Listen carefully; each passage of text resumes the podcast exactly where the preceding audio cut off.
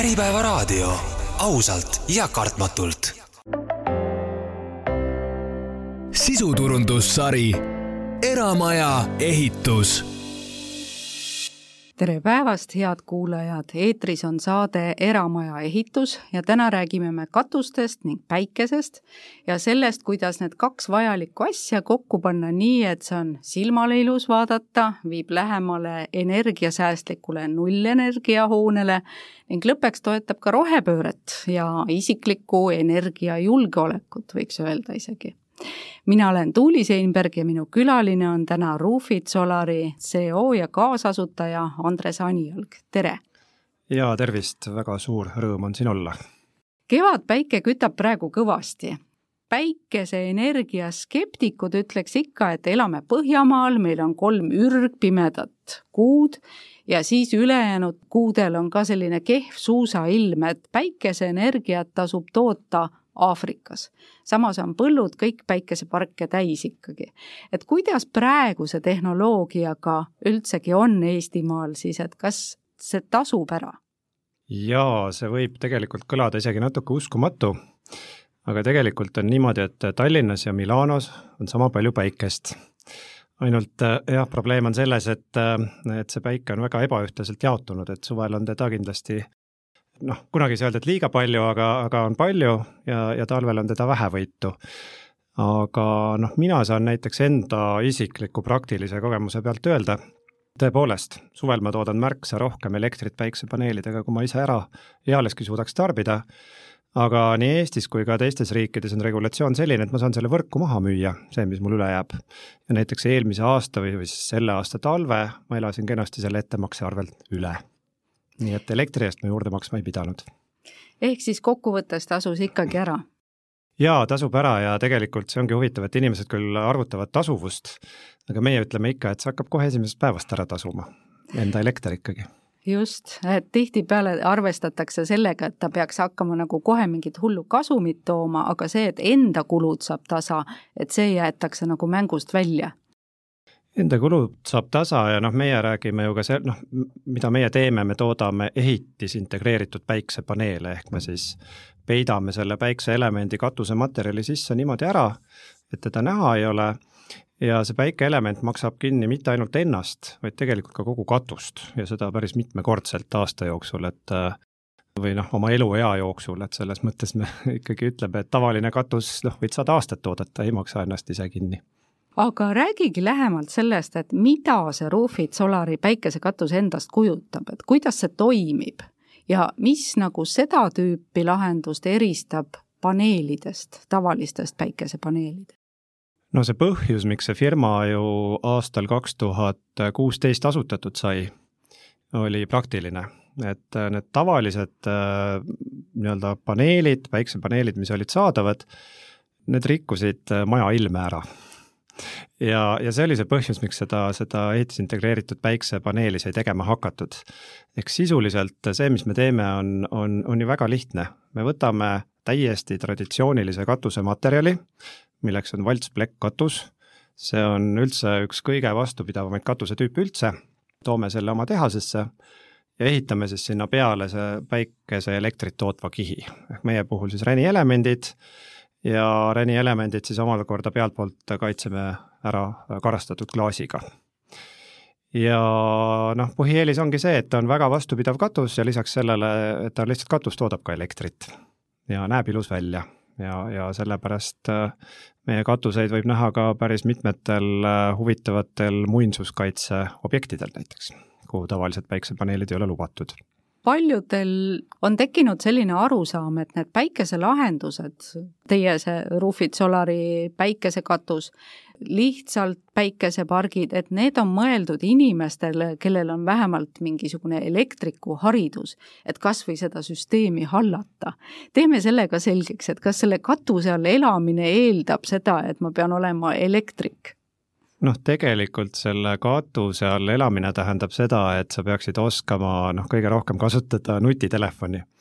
sest äh, need süsteemid on noh,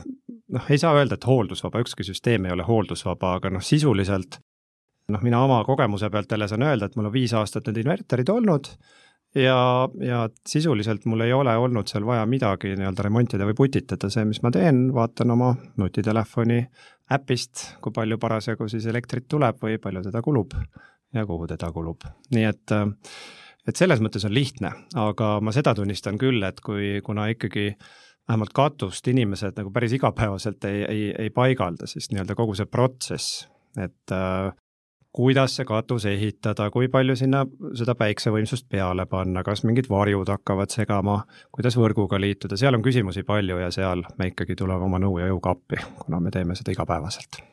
Tuleme nende spetsiifiliste küsimuste juurde ka peagi tagasi, aga ma küsin veel alustuseks seda, et kas inimene, kes nüüd äh, võib-olla mõlgutama hakkab neid mõtteid, et võiks uuel majal sellise katuse teha, kas ta peaks hindama ka enda senist sellist energiatarbimist üldse või ikkagi mõtlema ainult siis sellele ehituslahendusele? kas on mingisugused tarbimised, et kui inimene on niivõrd säästlik, tal ei ole üldse mingeid suuri tarbijaid, siis ei olegi mõtet?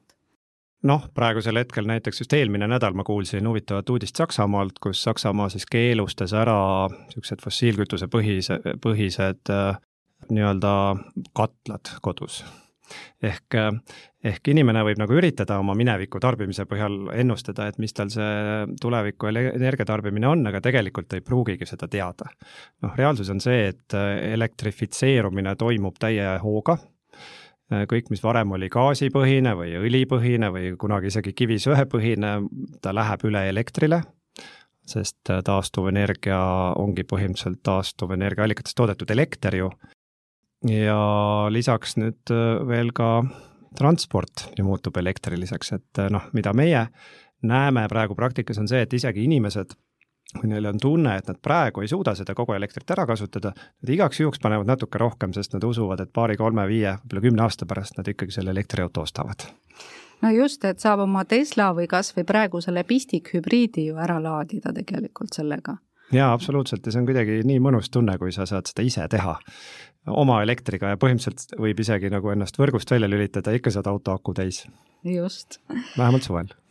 aga ilmselt huvitab kõiki kuulajaid ka see tootlikkus ja tasuvuse mm -hmm. aeg, et need on ühed olulised küsimused ja kuidas sellega on, et ma olen aru saanud, et see tootlikkus nüüd sõltub ka sellest, et mis tüüpi lahendus valida, et teil on seal natukene neid erinevaid pakette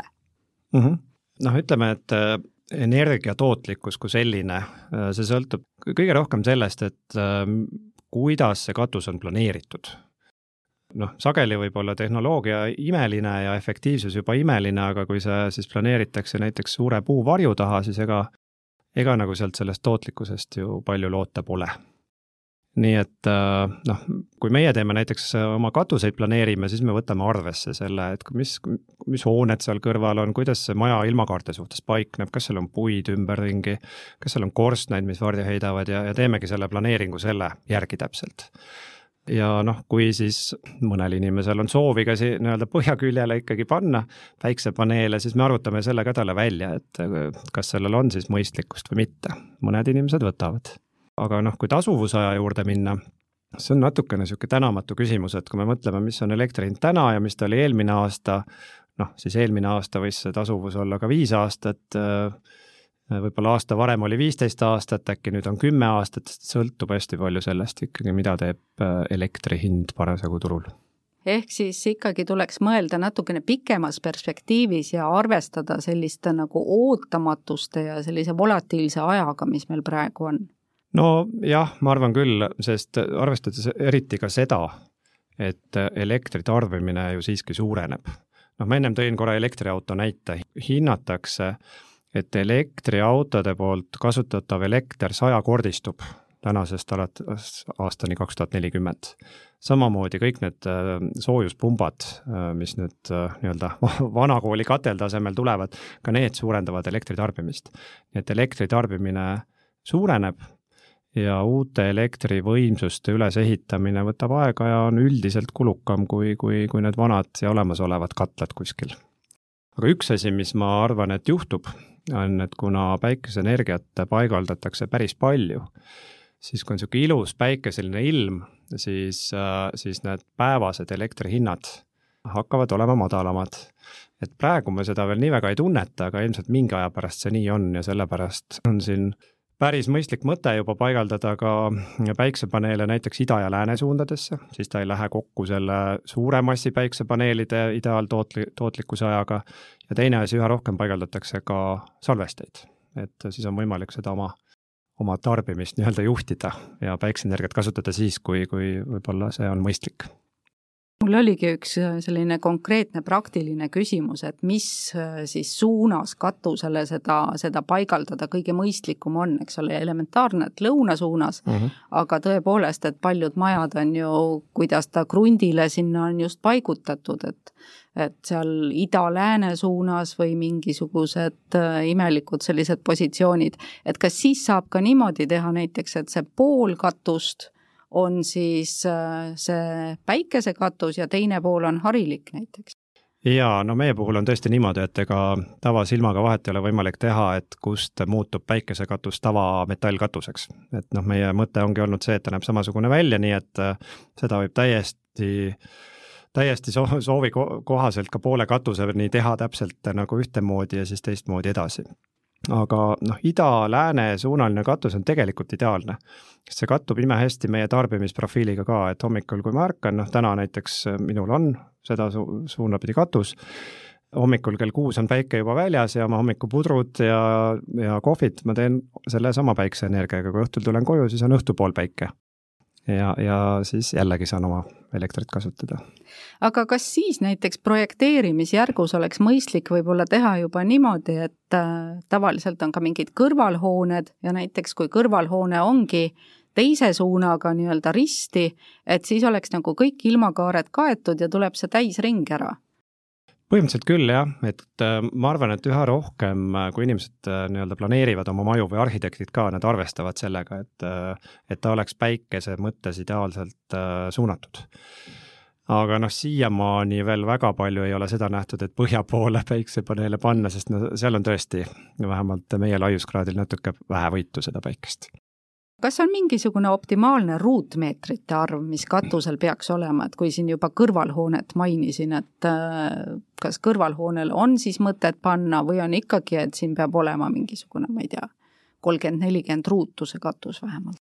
no see sõltub, ütleme saja ruutmeetri suurusele katusele mahub umbes viisteist kilovatti päiksepaneele ja see toodab, noh, ma ümardan, aga noh, kui ta on ideaalses suunas, umbes viisteist tuhat kilovatt-tundi elektrit aastas. ja noh, ütleme niisugune keskmine ka-, katus Eestis tegelikult ei ole nii suur, et keskmine jääb alla kümne, ma arvan, kaheksa kuni kümme kilovatti, ehk siis kaheksa kuni kümme tuhat kilovatt-tundi energia tootmist, ja see on enamasti juba isegi rohkem, kui üks majapidamine tegelikult ära suudab kulutada ehk siis jällegi tasub nõu pidada, et, et kuidas nagu siis need perspektiivid on energia tarbimises ja, ja mis siis teha? jaa, absoluutselt ja noh, tõepoolest selles äh, nii-öelda projektis, mida meie siis enne paigaldust teeme, seal on võimalik nagu tõesti läbi mängida need variandid, et äh, kui panna mõlemale poole päiksepaneelid kui ühele poole, et, äh, et kui palju seda elektrit sealt siis kätte saab. sa mainisid ka puid mm. -hmm mis on lähedal, suured puud varjavad päikest, tihtipeale on niimoodi, et uue maja puhul on ju puud pisikesed ja inimesed ei pane seda või ei võta arvesse, et tegelikult mõne aja pärast on need puud ju suured, et kakskümmend viis aastat, mis teil on see paneelide või päikesekatuse garantii, on äh, väike vahtrapuu kasvanud nii suureks, et äh, viskab juba varju ette. et kuidas nagu sellega arvestada, kui palju need puuvarjud siis tegelikult seda tootlikkust kärbivad? no ütleme nii, et kui ikkagi päris varju alla see päikesekatus või päikesepaneel tavaline paigaldada, siis noh, pigem me ei soovita seda teha, sest seal jääb ikkagi korralikult, korralik kogus elektrit tootmata aga noh, kõigega ei ole võimalik ette arvestada, ega see puu nüüd nii kiiresti ka ei kasva. ja kui ta ühel hetkel siis kümne või viieteist aasta pärast on, on tõesti kasvanud nii kõrgeks, et ta hakkab varjutama, noh siis on võimalik inimesel otsustada, et kumb talle siis armsam on sellel hetkel, et kas see puu või, või, või päikeseelekter nüüd, et see paneelide toodetud energia jõuaks sinna nende tarbijateni, mis inimesel järel on, et on -hmm. juba sa mainisid, et on vaja veel seadmeid, on vaja inverterit ja mõistlik oleks ka siis soetada akud või aku vähemalt, et selle üle, ülearuse energia talletamiseks ja hilisemaks kasutamiseks. et kas need on teil ka komplektis sellega, kogu see terviklahendus on siis, mida te pakute, või peaks need või võib need inimene siis eraldi tellida ka? Tegelikult võib kõik eraldi tellida, noh meie äh, Eestis, Rootsis ja Saksamaal tõepoolest pakume lõppkliendile täislahendust ja noh, miinimumpakett tavaliselt on see, et on siis katus, selle paigaldus ja inverter, sest noh, inverter on lihtsalt vajalik, et see seade oma majavõrguga ja elektrivõrguga ühendada. tänapäevased inverterid üldjuhul on, tulevad kõik sellise akuvalmidusega, nii et inimene võib otsustada ka hiljem selle aku sinna juurde lisada. ja noh sõltuvalt elektri hinnast see võib olla mõistlik, täna võib ka mitte olla mõistlik, et äh, noh, Eestis äh, juba ostetakse ka päris palju akusid. Saksamaal me näeme, et praktiliselt kõik süsteemid lähevad akudega kaubaks ja üha rohkem küsitakse ka elektriauto laadijaid. et äh, noh, see ongi siis selline üks hea ökosüsteem kokku ja teilt kogu see tervikpakett tellides näiteks, siis te panete ka selle elektriauto laadija juba sinna paika? Jaa, kui kellelgi on soovi, siis me võime selle kohe paika panna, aga samas saab ka seda igal suvalisel hetkel hiljem sinna juurde lisada nüüd üks huvitav asi veel, me rääkisime siin katuse suurusest, me rääkisime nendest suundadest, kui oluline on katuse kalle? sest et üsna palju on selliseid poollame katuseid või väga väikese kaldega katuseid, et mis see miinimum on nendel paneelidel? Noh, ideaalne kalle on nagu tavalisel päiksepaneelilgi siin meil Eestis kuskil niisugune neljakümne kraadi lähedale. ja no siis ta toodab, toodabki kõige, kõige rohkem. aga lihtsalt ma toon näitena, et noh, siis kõige ideaalsem suund versus siis põhjasein, et mis on tõesti noh, see kõige halvem olukord, siis ka põhjasein, kui tal ei ole vardi ees, toodab umbes kolmandiku sellest, mida toodab kõige ideaalsem suund nii et äh, noh, me ise oleme küll öelnud, et äh, et noh, see kalle ei mängi nii suurt äh, rolli tegelikult, et noh, meie katust saab paigaldada vahemikus kümme kraadi kuni üheksakümmend ehk võib ka seinale paigaldada. Ja, ja seal vahemikus ta ikkagi toimib väga hästi. Nüüd sellise kümnekraadise kalde juures, et kuidas seal puhastamisega lood on, et seal ju kevadel on meil kaseõietolm, siis tulevad lehed, siis mm -hmm. võib mhm. tulla sammal, siis tuleb lumi. jaa, kõik need asjad on olemas küll, jah. aga noh, meie äh, võib-olla eelis võrreldes tavaliste päiksepaneelidega ongi see, et meil ei ole äh, sellist nii-öelda raamikonstruktsiooni, mille alla sihuke oksarisu ja lehed ja ma ei tea, linnupesad isegi tekkida võivad. et noh, meil on tavaline katus ja valdavalt äh, ikkagi loodus ise korraldab selle hoolduse ära et tuleb see lumi sealt maha, ühel hetkel sulaga tuleb, peseb vihm selle puhtaks ja me tõesti ei olegi soovitanud mitte kellelgi minna seda sealt eraldi ise puhastama, inimesed võib-olla esimestel aastatel, kui neil see katus on, suure õhinaga lähevad lund maha lükkama, mida on võimalik teha, sest ega see katusematerjal nüüd nii kergelt katki ka ei lähe, ta on terase ja karastusklaasi vahel. aga ühel hetkel nad saavad aru, et see ei ole seda vaeva talvel väärt, sest lihtsalt meil on valgust nii vähe siin sa mainisid enne, et äh, suviti meil on nii palju päikest, et äh, selle toodetud elektriga ei olegi tihtipeale midagi teha, et sina müüd näiteks tagasi, elad äh, sellega siis ilusasti terve aasta ära niimoodi, et kulud on tasa kuidas nüüd seda süsteemi sinna integreerida, et tõepoolest ka tagasi müüa, kas siin on mingid eripärad, mida kuulajad peaks teadma ja arvesse võtma? no tegelikult mitte, sest eh, noh, ma ütleks küll, et eh, üheksakümmend üheksa koma üheksa protsenti meie katustest on kõik võrguga ühendatud. Eh, me selliseid off-grid lahendusi väga palju isegi teinud ei ole, on võrguga ühendatud ja kui on võrguga ühendatud, siis see tähendab seda, et äh, sul peab olema ka paigaldatud selline elektriarvesti, mis su-, suudab siis seda elektrivoolu nagu kahepidiselt mõõta. ja kui ka see on olemas, siis on absoluutselt mõistlik minna mõne elektrimüügifirma poole, on siis selleks noh, Eesti Energia või keegi teine, kes nii-öelda siin sellist teenust pakuvad ja leppida kokku, teha leping, et see ülejääv elekter ära ostetakse me rääkisime pisut inverteritest, akudest, kas on vaja ka eraldi juhtmestust, ehk siis näiteks need kaablid, mis tulevad nüüd paneelist inverterisse, inverterist akudeni, peavad olema mingid spetsiaalsed? jaa, noh üldiselt on jah, seal äh, spetsiifilised äh, nii-öelda, see on siis nii-öelda DC voolukaablid, äh, mis varjestatakse ka eraldi ära või noh, pannakse enamasti niisuguse plastmasstoru sisse, millega nad tulevad siis inverterini ja need on jah, niisugused spetsiifilised kaablid inverter muudab selle siis nii-öelda meie, meie mõttes tavapäraseks vooluks, mida meie kodumasinad tarbida suudavad ja noh, seal on täiesti tavaline juhtmestik juba. küll aga inverterile ja sellele süsteemile tuleb panna eraldi nii-öelda kaitse ka vahele aga kas peavad olema need seadmed eraldi ruumis, mis on siis kuidagi tulekindlam ja, ja tegelikult ka mürakindlam, sest et osad inverterid teevad ikka päris arvestatavat heli noh, inverterid jah, vahepeal jahutavad ennast natukene küll, aga pigem viimasel ajal on need niisugused passiivsed, et nad isegi väga palju lärmi ei tee. ja noh, tavaliselt nad paigaldatakse tehnoruumi, kus on teised seadmed, ventilatsiooniagregaadid või, või noh, katlad, boilerid. Ja tegelikult võib neid invertereid paigaldada ka maja välisseina peale, et seal on lihtsalt ainuke eelis, noh, nõue on see, et vihma peale ei sajaks ja otsest päikesevalgust sinna peale ei paistaks, aga võib ka õue panna. Mm. -hmm ja veel enne, kui me teeme väikese pausi, ma küsin kulude kohta veel, et kas lisaks sellele algsele investeeringule kaasnevad hiljem mingisugused püsikulud hooldusele, kontrollile, mingisugustele vahetustele? no otseselt mitte, küll aga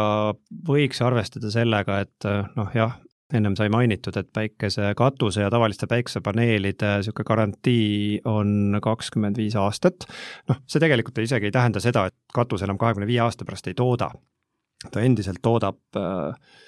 noh, meie nõue on, et vähemalt kaheksakümmend protsenti sellest voolust mida ta varem tootis. küll aga elektroonikaseadmed, noh milleks on inverter, noh nende garantii on tavaliselt lühem, niisugune viis kuni kümme aastat ja võib juhtuda, et siis näiteks kümne aasta möödudes on vaja see inverter välja vahetada. aga, aga noh, üldiselt on see süsteem ikkagi üsna hooldusvaba. ehk selliseid igakuiseid püsikulusid sellega ei kaasne? ei äh,, ei kaasne absoluutselt Läheme nüüd edasi ja räägime natukene sellest projekteerimisfaasist veel. Et kuidas sellega on, kui nüüd kuulajatel tekib huvi, nad tahaks saada hinnapakkumist, et mis siis tegema peaks, teiega ühendust võtma ja kas see esialgne hinnapakkumine on teil ka mingisugune tasuline protsess või, või see tehakse niimoodi lihtsalt andmete põhjal selline hinnanguline niisama tasuta ära? no kõige lihtsam on tegelikult jah, äh, minna meie koduleheküljele, kus on meil olemas kontaktid, noh, telefoni kontakt kui ka emaili aadress. Äh, mõnes mõttes on emaili aadress isegi lihtsam, äh, kui sinna kirjutada, et mis on selle hoone aadress, kus ta paikneb, siis me saame nii-öelda kaardirakendustest järgi vaadata ja võtame ise ühendust, aga üldiselt on meil võimalik jah, niisugune mõne minutiga teha niisugune esialgne hinnang, mis selle konkreetse hoone äh, päikesekatuse maksumus olla võiks ja palju ta ka elektrit toodab. Ja no see on tõesti noh, neli-viis minutit, et selle saab kiirelt läbi kalkuleerida ja siis, kui on juba selle pealt konkreetsem huvi jätkub, äh, siis me lähme jah, natukene põhjalikumaks, et siis me ikkagi tahame veenduda hoone mõõtudes, kus on korstnad, kus on aknad, kus on vintskapid, kõik sellised asjad teeme selgeks endale, projekteerime selle katuse sisuliselt või joonistame oma tarkvaras üles ja siis saab klient juba hästi konkreetse hinnapakkumise ja saab seda tasuvust ka ise arvestada seal. Ja need esimesed sammud, äh, need on täiesti tasuta kas seda oleks mõistlik teha juba sellises projekteerimisfaasis, et alles arhitekt hakkab maja projekti tegema ja siis tellija ütleb, et vot ma tahaksin siia Roofit Solari päikesekatust tegelikult. ja siis arhitekt juba saab teie teie inseneride ja arhitektidega suhelda sel teemal? absoluutselt ja kohe kindlasti, et kui maja on projekteerimisfaasis, siis tõesti see ongi see õige hetk, sest äh, noh, siis saab veel äh, vaadata, et kuhu neid aknaid ja korstnaid täpselt paigaldada on mõistlik, noh, päikese mõistes. ja me näeme ka, et üha rohkem meie poole tegelikult pöörduvadki arhitektid otse juba, kes ühte või teist maja parasjagu projekteerivad aga kui nüüd projekt on olemas juba ja tegelikult nüüd just läheks ehitusse ja kuulajatel tuleb see huvi, et kas siis teie arhitekt teeb selle ümber lihtsalt ja vaatab nagu siis, teeb vajalikud parandused, muudatused sinna? jaa, me saame, me saame jah, kliendiga koostöös täpselt nii-öelda vaadata, et kui, kui ranged need nõuded on ühe akna või, või korstna osas, eks ole, aga meie saame neid ümber mängida ilusti, et pakkuda seda kõige optimaalsemat lahendust kas on mingid olulised erisused ka nõuetel katuse konstruktsioonidele, ehk siis kas Rufit Solari katus on raskem tava sellest äh, valtsplekk-katusest? ta on natukene raskem küll, aga tegelikult ütleme, põhikatuse koormus alati tuleb ikkagi lumest. et äh, noh, ütleme, kui, kui meie katus teeb valtsplekk-katust äh, umbes ütleme, neli korda raskemaks, kui see tavaline nii-öelda terasplekk on, siis see on ikkagi kaks kuni kolm korda kaalu poolest kergem kui tavaline kivikatus nii et ta noh, selles mõttes ta ei ole sugugi katuse mõistes raske ja, ja aluskonstruktsiooni sisuliselt muutma ei pea, aga kui on võimalik, me soovitame panna natukene jämedamast äh, lauast tehtud roovitused, siis toimub äh, tuulutus katuse all paremini, natukene mm -hmm. võib efektiivsust juurde saada nii ehk siis tuulutuse äh, osa peaks olema suurem lihtsalt? ta võib olla, ta ilmtingimata ei pea, aga kui veel on see faas, kus saab seda muuta, siis me oleme ja soovitanud panna siis nii-öelda viiekümne millimeetrise. aga nüüd äh, need kuulajad, kes oma maja hakkavad renoveerima mhm. -huh. ja on täiesti sobiva asetusega, sobiva suuruse ja sobiva kaldega ja katus läheks vahetamisele ja tekkis huvi, et tõepoolest ka nagu siis päikeseenergiat ära kasutada, mida nemad peaks arvesse võtma ja kuidas seda protsessi siis alustama? no ega seal ju tegelikult nüüd suurt vahet ei ole, kas see on uus hoone või, või, või, või renoveeritav hoone, et me teeme mõlemaid. Ja noh, Eestis on see umbes suhe viiskümmend, viiskümmend, kui me räägime Saksamaast või Rootsist, kus me ka aktiivsemalt toimetame, seal ongi üheksakümmend protsenti on renoveeritavad hooned et äh, seal on siis peamine teema see, et äh, oluline on, et see katus saaks hästi ära rihitud ja sirgeks.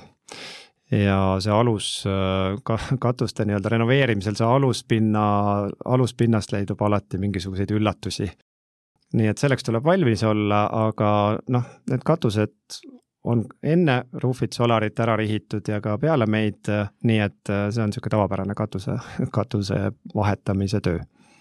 mingisuguseid erinõudeid sellele soojustus- ja alusmaterjalile ei ole teil? noh, otseselt ei ole, no meie puhul on jah oluline see, et ähm, meil niisugune täislaudisega aluskiht siis hästi ei sobi, sest äh, kogu see nii-öelda kaabeldus toimub siis just nimelt roovituse vahepeal, et seal peab olema siis laudade vahel vahe, et me saaksime, meie kontaktid ära mahuks sinna ja kaablid. Äh,, aga isegi kui see täislaudis on olemas, me saame selle peale ehitada selle teise kihi nii-öelda roovitust peale ja üldiselt, kui on renoveeritav hoone, siis väga sageli jah, see soojustus äh, vahetatakse ka välja, aga noh, soojustuskiht ja katusekiht, et need on, käivad nagunii eraldi kihtidena. et seal äh, see nii-öelda äh, soojustus käib alla, siis tuleb tuulutus vahele ja siis tuleb alles katus peale, nii et selles mõttes tavapärane aga nüüd, kui sellel renoveeritaval majal on seal kõrval põllul juba olemasolev päikesepark, et kas need süsteemid saab kuidagi omavahel ühendada? Noh, kui see päikesepark on seal olemas ja inimene ikkagi leiab, et äh, tal on, äh, tahaks natukene võimsust veel juurde panna, siis sellele uuele katusele või päiksekatusele kindlasti tuleb juurde jah, oma inverter, et et äh, noh, see tuleb sinna süsteemi juurde panna, aga see ühendatakse jällegi nii-öelda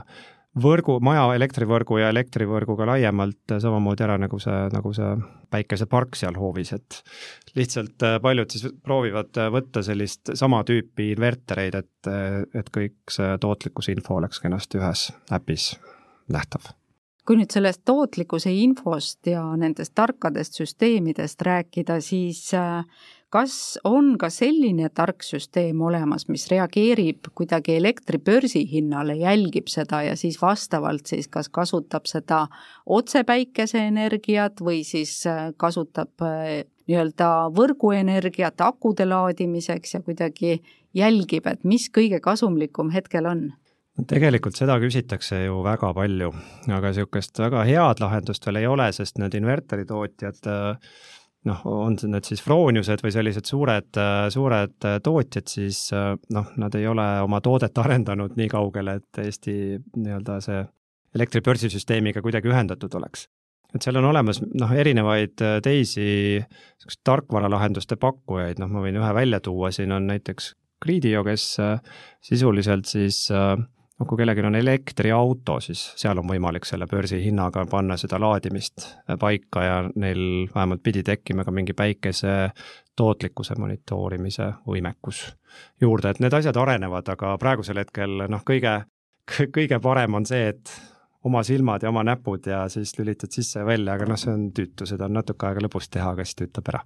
kas see äpp millest sa rääkisid, kas see on ka teie enda siis mingisugune süsteem või see tuleb endal valida, leida? see äpp, millest ma räägin, on tavaliselt tuleb äh, inverteri tootjate poolt kaasa.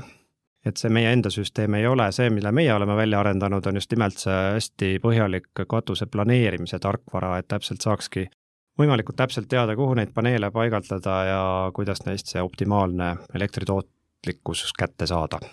et ma saan aru, et te teete lausa 3D mudeleid seal? jaa, me teeme ikkagi maja sisuliselt 3D-sse, joonistame üles äh, ja vaatame, kuhu päike paistab peale ja kuhu ei paista ja ja kuhu paneel on mõistlik panna ja kuhu mitte. räägime natukene ka sellistest hooldusteemadest veel lähemalt ja ohtudest. et üks asi, mis Eestis siin on tuska teinud inimestele, on voolukatkestused mm. -hmm. ja jube tore oleks ju, kui sul on päikesesüsteem, Eesti Energia, Elektrilevi kaovad ära ja sa saad ikkagi oma päikesesüsteemi kasutada, aga paraku on tihti nii, et see lülitatakse ka ikkagi välja, kui sa oled seal on-grid süsteemis mm. -hmm. et äh, kuidas sellega teil on, kas on ka jällegi mingi tark süsteem, mis võimaldab sellest väljalülitusest mööda minna? Jaa, need on äh, täiesti olemas ja üha, üha lihtsamini ka kasutatavad. et äh, tõepoolest, äh, kui võrguelekter kaob ära, näiteks elektrivõrgus tahab keegi hooldustöid teha, siis see hooldustöö tegija ei taha seda, et teiselt poolt võrgust nii-öelda palju elektrit ikkagi sisse tuleb, nii et sellepärast lülitatakse ka päiksesüsteemid, nad lülituvad välja, aga on võimalik siis paigaldada üks lisaseade, ja tegelikult isegi uuematel inverteritel on see juba lisaseade sees, kus, mis siis nii-öelda lülitab selle elektri ainult hoonesiseseks ümber. et äh, need on jah, võib-olla viis aastat tagasi olid need väga niisugused äh, nagu unikaalsed süsteemid, aga üha rohkem see muutub ka täitsa tavapäraseks juba mingites välisriikides on see nõue, et äh, hoonest väljas peab olema siis eraldi see päikesesüsteemi väljalülitamise nupp ka mm. -hmm. et kuidas meil Eestis nende nõuetega on? No Eestis on sama tegelikult see, et jah, peab olema võimalik see nii-öelda päiksesüsteem turvaliselt välja ühendada, juhul kui peaks noh, toimuma siis tulekahju või midagi sellist. aga see on siis nii-öelda selles välises elektrikapis kuskil peab olema või, või äh, siin vahet ei ole, kuhu ta paigutada? Äh, otseselt ei ole, lihtsalt jah, see peab olema nii-öelda selgelt tähistatud ja juurdepääsetav mm. -hmm. siis mis üldse võivad need ohud olla nende paneelidega, et et äh, kas võib juhtuda niimoodi, et seal katuse vahel tekib mingi lühis, katus äh, läheb põlema, et kas sellised asjad on lihtsalt äh, lohakas kaabeldus või, või mingid muud probleemid? no üldiselt on küll niimoodi jah, et elektritööde tegemine tasuks tellida oma valdkonna asjatundjatelt ja professionaalidelt, sest siis siis selliseid uudiseid ei pea väga palju loodetavasti kuulma, et tulekahju sai alguse elektrijuhtmetest, aga noh, valdavalt see on tulekahju peamine põhjus kui meie tõepoolest, ma ennem mainisin, et me paigaldame elektrikaabelduse katuse selle väliskihi alla,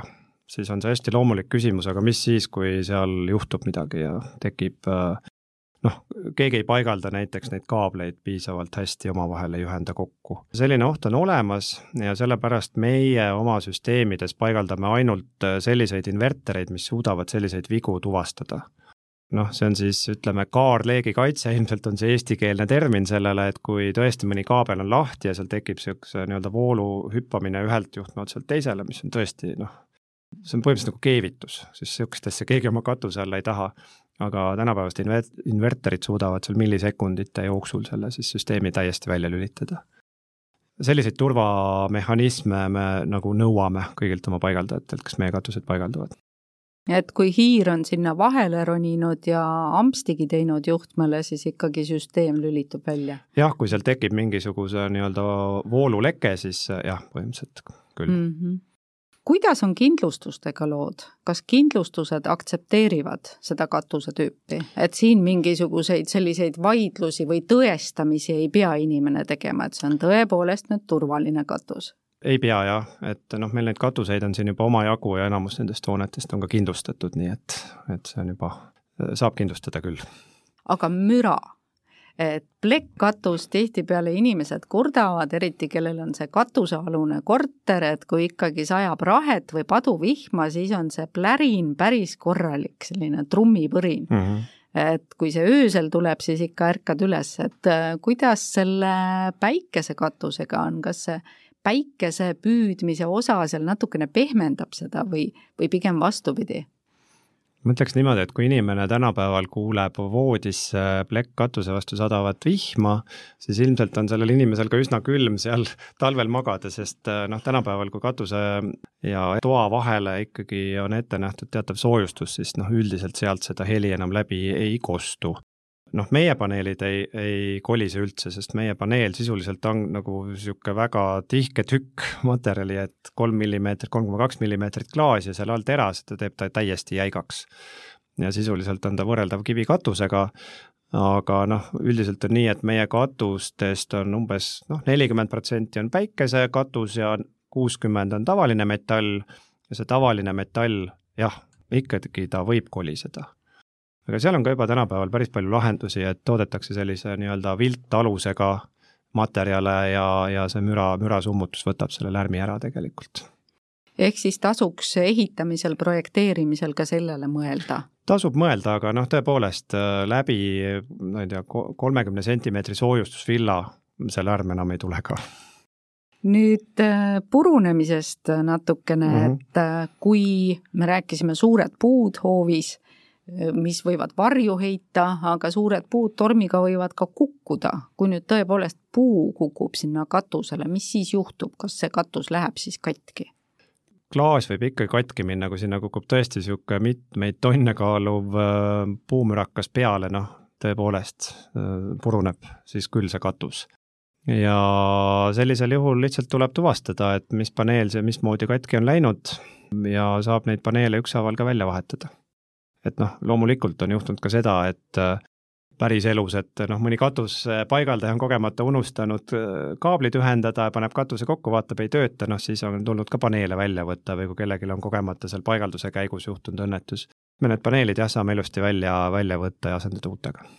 aga kas ei ole seda ohtu, et sa mainisid, et äh, selle katuse selline hea eluiga on kakskümmend viis aastat, tegelikult nad võivad ju palju kauem vastu pidada mm. -hmm. nüüd inimesele alles kolmekümnendal aastal läheb üks paneel katki, aga enam seda mudelit pole kuskil võtta. kas ta siis peaks praegu juba igaks juhuks varuks ostma kuuri alla mingisugused äh, viis kuni kümme paneeli? nojah, on tegelikult kliente küll, kes mõne paneeli varuks ostavad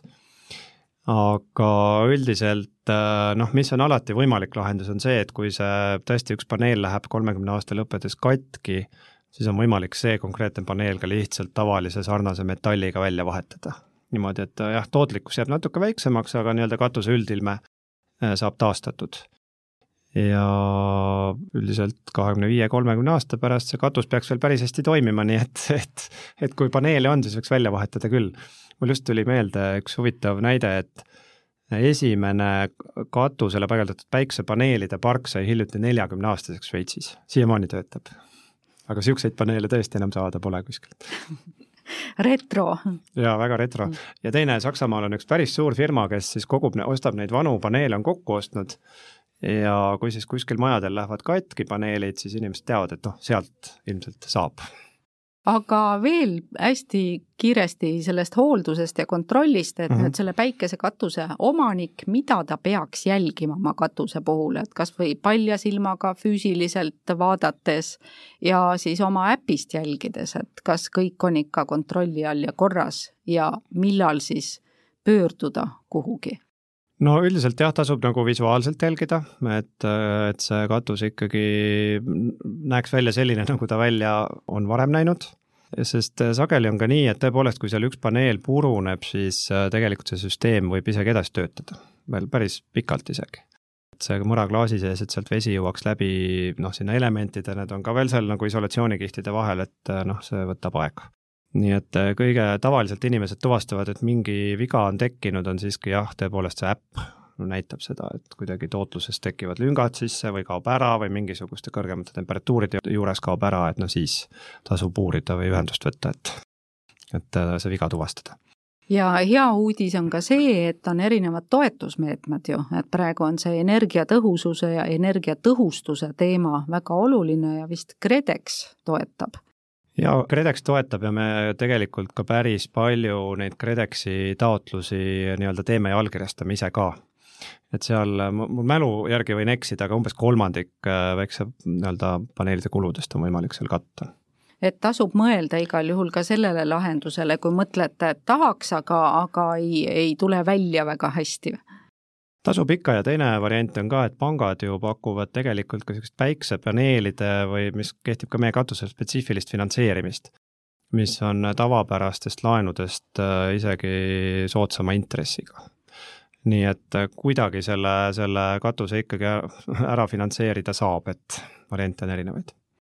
lõpetuseks küsin, et äh, te kaasasite hiljuti kuus koma nelikümmend viis miljonit eurot ja hõikasite välja, et investeerite ka tootearendusse mm. -hmm. et mida põnevat siis tulemas on, et kas meie kuulajad võivad oodata mingit erilist uut lahendust, mis on veel parem, veel võimsam? Mida me üritame teha, et meie senine peamine toode on olnud niisugune hästi klassikaline käsivalts äh, päiksekatus, mis tõesti siin noh, sobib äh, sellistele muinsuskaitseobjektidele ja noh, see, see on tõesti niisugune väga traditsiooniline katusematerjal, tema paigaldamine on olnud natukene niisugune nii-öelda oskusteavet nõudev aga meil on juba olemas ja ka nüüd tuleb peagi veel parem nii-öelda klikitav toode, mida siis on võimalik sisuliselt, kui inimene omab kruvikeerajat, siis ta saab ka selle paigaldamisega ise hakkama, et ta nii-öelda nagu käib e-, eelmise paneeli külge nagu naksti kinni ja seal ei olegi vaja tõesti muud kui kruvikeerajat. ja loomulikult äh, ruutmeetrist üritame aja jooksul ikkagi natuke rohkem efektiivsust välja võluda aga tuleb tunnistada, et ega sealt palju enam välja võluda ei ole võimalik, et, et nii-öelda see efektiivsus nendel ränielementidel on tänapäeval juba üsna oma maksimumi lähedal, et ja seda järgmist tehnoloogilist hüpet, mida on ammu oodatud, noh seda viisteist aastat on juba oodatud neid õhukesekihilisi päiksematerjale ka ju, aga noh, endiselt nad on liiga kallid või on nad siis liiga nii-öelda lühikese elueaga, et noh, niipea nad ränitehnoloogiat üle veel ei võta kui nüüd inimene tahaks ikkagi kasutada seda tehnoloogiat, mis teil praegu on pakkuda mm, -hmm. siis kui pikad teil järjekorrad on, et äh, kas sel suvel saab juba katuse kätte? jaa, üldiselt see sõltub nii, et kui nüüd hooaeg, kui päike tuleb välja, siis lähevad järjekorrad pikemaks, aga niisuguse paari kuu perspektiivis on see kindlasti võimalik kätte saada, jah ehk siis ikkagi suve lõpuks saate päikesekatuse ja saate natukene seda päikest ka veel võib-olla nautida jaa, kes praegu nüüd kiirelt liigutama hakkab, see kindlasti saab veel selle, selle suve päikseelektri kätte küll. mida soovitaksid inimestele, kes meid nüüd kuulasid ja kes mõtisklevad selle üle ja tunnevad huvi? mina soovitaksin see teema lihtsalt enda jaoks läbi mõelda, et üks asi, mida me oleme hästi palju näinud, kuidagi selline selline arusaam, et ma kümme aastat tagasi selle nagu mõtlesin enda jaoks läbi, see absoluutselt ei tasunud ära. aga kümne aastaga on päikesetehnoloogia hinnad umbes kümme korda kukkunud. ehk see, mis tõesti tollel ajal ei olnud mõistlik, noh täna, tänasel päeval juba on. et äh, lihtsalt võtta korra ette